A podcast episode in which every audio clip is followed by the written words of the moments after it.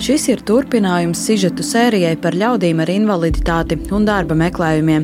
Pagājušajā nedēļā stāstījām par sabiedriski aktīvo viesturu, kurš muguras traumas dēļ jau gadu ir ratiņkrēslā. Diemžēl sižeta veidošanas laikā darbu viņam atrast neizdevās. Taču šoreiz stāstīsim par to, kā projekta laikā veicās Robertam, kura vārds ir mainīts.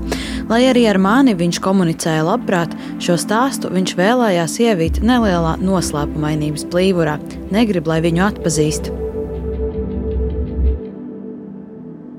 Ar Robertu iepazinos dienā pirms stingro ierobežojumu ieviešanas oktobrī. Nu, man šobrīd jau ir vairāk kā 30 gadi. Pašlaik esmu darba meklējumos, jeb kā moderns saka, pašlaik meklēju jaunas, iespē, jaunas karjeras iespējas. Satikāmies kādā sabiedriskā labuma organizācijā, kurā vīrietis piestrādā. Redzamas invaliditātes Robertam nav. Tā kā bija pēdējā diena, kad organizācijas kolēģi strādāja klātienē, abi pievienojāmies pārējiem uz atvadu kūku. Novēroju, ka Roberts ir sabiedrisks, labprāt joko, ir uzmanības centrā un nebaidās arī izteikt viedokli, piemēram, par politiskām norisēm. Taču aiz tā visa sākotnēji nepamanīta paliek kāda trauma īsais tāds negadījums. Kādreiz drausmīgi daudz strādāju, plus mīnus tur reizēm pat strādāju kaut kādas 18 stundas dienā, ieskaitot sestdienas. Un tad izdomāju atslēgties, aizbraucu uz kalniem un uzdevu veselību un iekļuvu nelaimes gadījumā. Iekļuvu ļoti smagā nelaimes gadījumā, un tad tur dabūju arī Un tad, un tad sākās otra dzīve. Tas bija kritiens, jā, kāds? Jā, tas bija kritiens, jā. Par negadījumu Robertam daudz runāt nepatīk. Šķiet, ka viņš labprāt to nedarītu vispār. Taču man izstāsta, ka kopš tā laika viņam ir īslaicīgās atmiņas traucējumi. Viņš mēdz šad tad kaut ko aizmirst.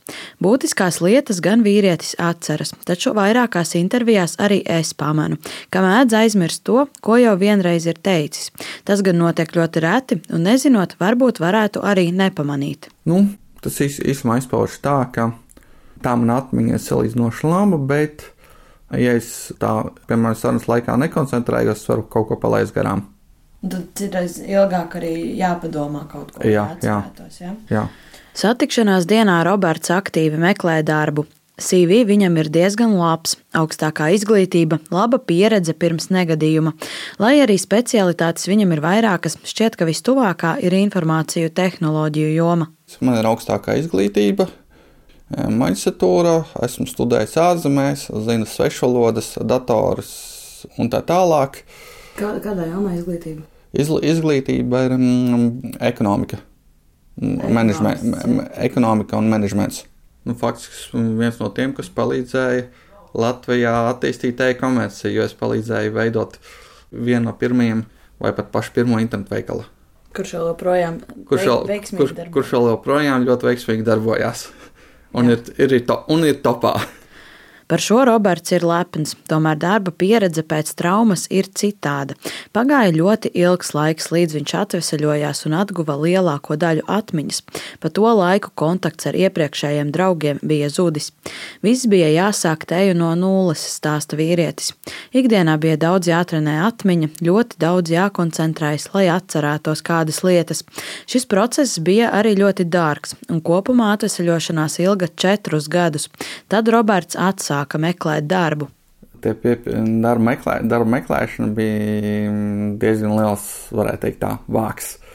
E, kad e, aizies interviju un tam līdzīgi, un tad pajautā, kas notika, kāpēc aizgāja no pēdējās darba vietas, un ka pasakīja, nu, un tad, un, un tad, un tad tie jautājumi seko nevis par tēmu, bet no apmēram ir tā no sērijas, cik ārā šodien labs laiks, ka, kā jūs domājat, kāds laiks, laiks rītdien būs diezgan, be, mm, diezgan bezsvarīgi, un tad iemācījos, nu, labi, nu, kāpēc man teikt?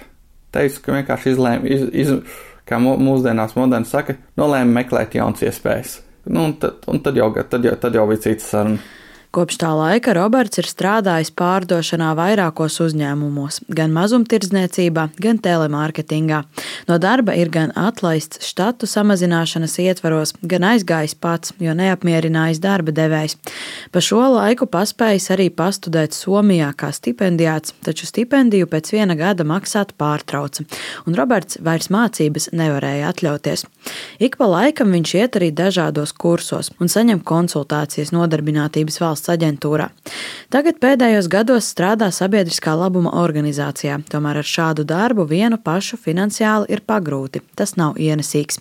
Šo visu Roberts man izstāsta pirmajā tikšanās reizē, kuru noslēdzam ar plānu aktīvi sūtīt CV tādām vakancēm, kurās tiešām vīrietis gribētu strādāt. Dažādi, mm, dažādi klientu apkalpošanas speciālisti, dažādi mārketinga speciālisti, un skatīšos arī kādus pārdošanas speciālistus.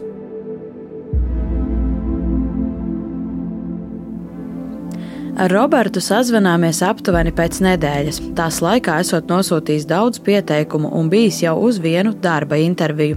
Un viņš saka, nespēju noticēt, esmu atradis darbu. Nekavējoties norunājam tikšanos pie VF kultūras pils Rīgā. Tas ir aptuveni vidusceļš no mūsu abu mājām. Roberts izkāpa no sabiedriskā transporta un acīs redzu prieku. Man piedāvāja darba piedāvājumu, darbs attālināti. Nu, tas man apmierina. Darbs no mājām, pie, ar datoru. Un tad nu, es sāku strādāt. Pēc dažām dienām Roberts kļūs par pakalpojumu konsultantu. Darbs nodrošinājis visu aprīkojumu, lai ērti varētu strādāt no mājām. Viņam darba dienās jāzvana cilvēkiem un jāprasa atsauksmes par produktiem. Par savu invaliditāti, protams, vīrietis darbā nav pastāstījis, un ir lietas, kas pirms darba uzsākšanas satrauc. Kāds būs darbs, cik labi varēšu to visu izdarīt, un kāda būs perspektīva tālāk? Darba samaksa nesot pārāk liela, taču Roberts ir apņēmies pie šī darba pieturēties tad, ja viņam viss izdosies. Skriet pie citiem mazliet lielākas samaksas dēļ vien vīrietis nav gatavs. Un tā paiet pirmā nedēļa, kurā galvenokārt notikušas apmācības. Sazvanāmies Zoomā. Man tur ir eh, darba, kas saka, darba laika uzskaite datorā, un tad nu, tur tā brīvi dzert tēju, kafiju es nevaru. Man ir principā jābūt visu laiku, uz, kā saka, darbā visu laiku, visu laiku jādara savādāk. Un savādāk man nemaksā, jo man ir stundas likme arī. Pienākumi, nu, mani pienākumi ir būtībā zvanīt cilvēkiem un informēt viņus produktu pakalpojumu. Pirmajās dienās Roberts neiztiek arī bez kļūdām. Es kaut ko aizmirsu pateikt, ne, vai arī nepareizi nostājis sarunu, tad tas, tas īsumā varētu būt tā. Ne, nebija tie standarti, standarta frāzes, to, nu, bija drusīgi pamanīts standarta frāzes. Ne.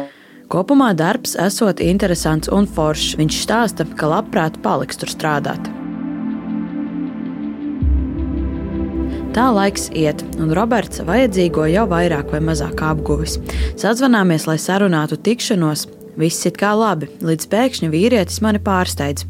Viņam liekas, ka viņu varētu atlaist. Tajā brīdī bija nostrādājis aptuveni trīs nedēļas. Tā kā pārbaudas laiks vēl pat tuvu nav beidzies, darba devējs var atlaist pēkšņi un bez paskaidrojumiem.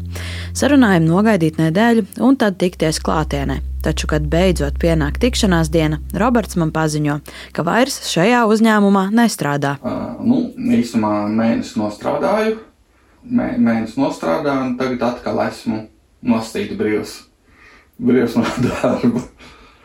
brīvs no darba, nu, ka, kas nav forši. Bet, nu, jā. Bet, nu, sapratu, ka, laikam, tas darbs, kur, kur es strādāju, ka tas bija sasmaiz, tas bija no lē, lētā darba, un tur, tur, ir, tur notiekās fiksi. Kad vajag, tad paņem, kad nevajag, tad uzreiz laiž, uh, laiž vaļā. Darbiniekus, jā. jā. Otro reizi šādu darbu Roberts vairs nedarīšot. Grūtības sagādāja arī tas, ka darbs ir pilnībā attālināts. Savus darba biedrus un priekšniecību tā arī dzīvē redzējis nav. Turklāt attālināti tādu atbalstu, kāds jaunam darbiniekam nepieciešams, saņemt nesot varējis. Nu, viņi paskaidro to, kā samazinājušies darba apjoms ir. Un tad vairākus cilvēkus. Jā. Tu zini, cik? Un, nē, nu man neteica.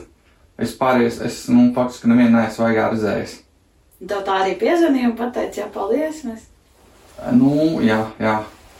Protams, tad, kad gāja nodot tehniku, redzēja, ka, nu, kā saka, tur, tur jau stāv rindiņa ar vēl veselu baru nodotas tehnikas. Roberts gan rokas pēc šīs pieredzes nenolaiž. Esot sapratis, ka šāda veida uzņēmumos strādāt vairs nevēlas, tomēr darbs ar klientiem viņam interesē arī turpmāk. Taču, ja raugāmies uz lielākiem sapņiem, tad vīrietis gribētu savu biznesu. Vismaz šāds sapnis viņam bija pirms traumas. Kādreiz laika vecumdienās uzsākt savu biznesu un tā tālāk, bet nu labi. Tagad jau vecumdienas pienākuši un biznes joprojām, biznes joprojām neesmu uzsācis. Bet vēl sapņo par to. Mm, dzīve rādīs. Mm, tas man, teiksim, tas uh, mans gadījums iemācīja, nu, kā nemēģini plānot pārāk tālu uz priekšu, atnā, liktenis, liktenim pašam savu plānu.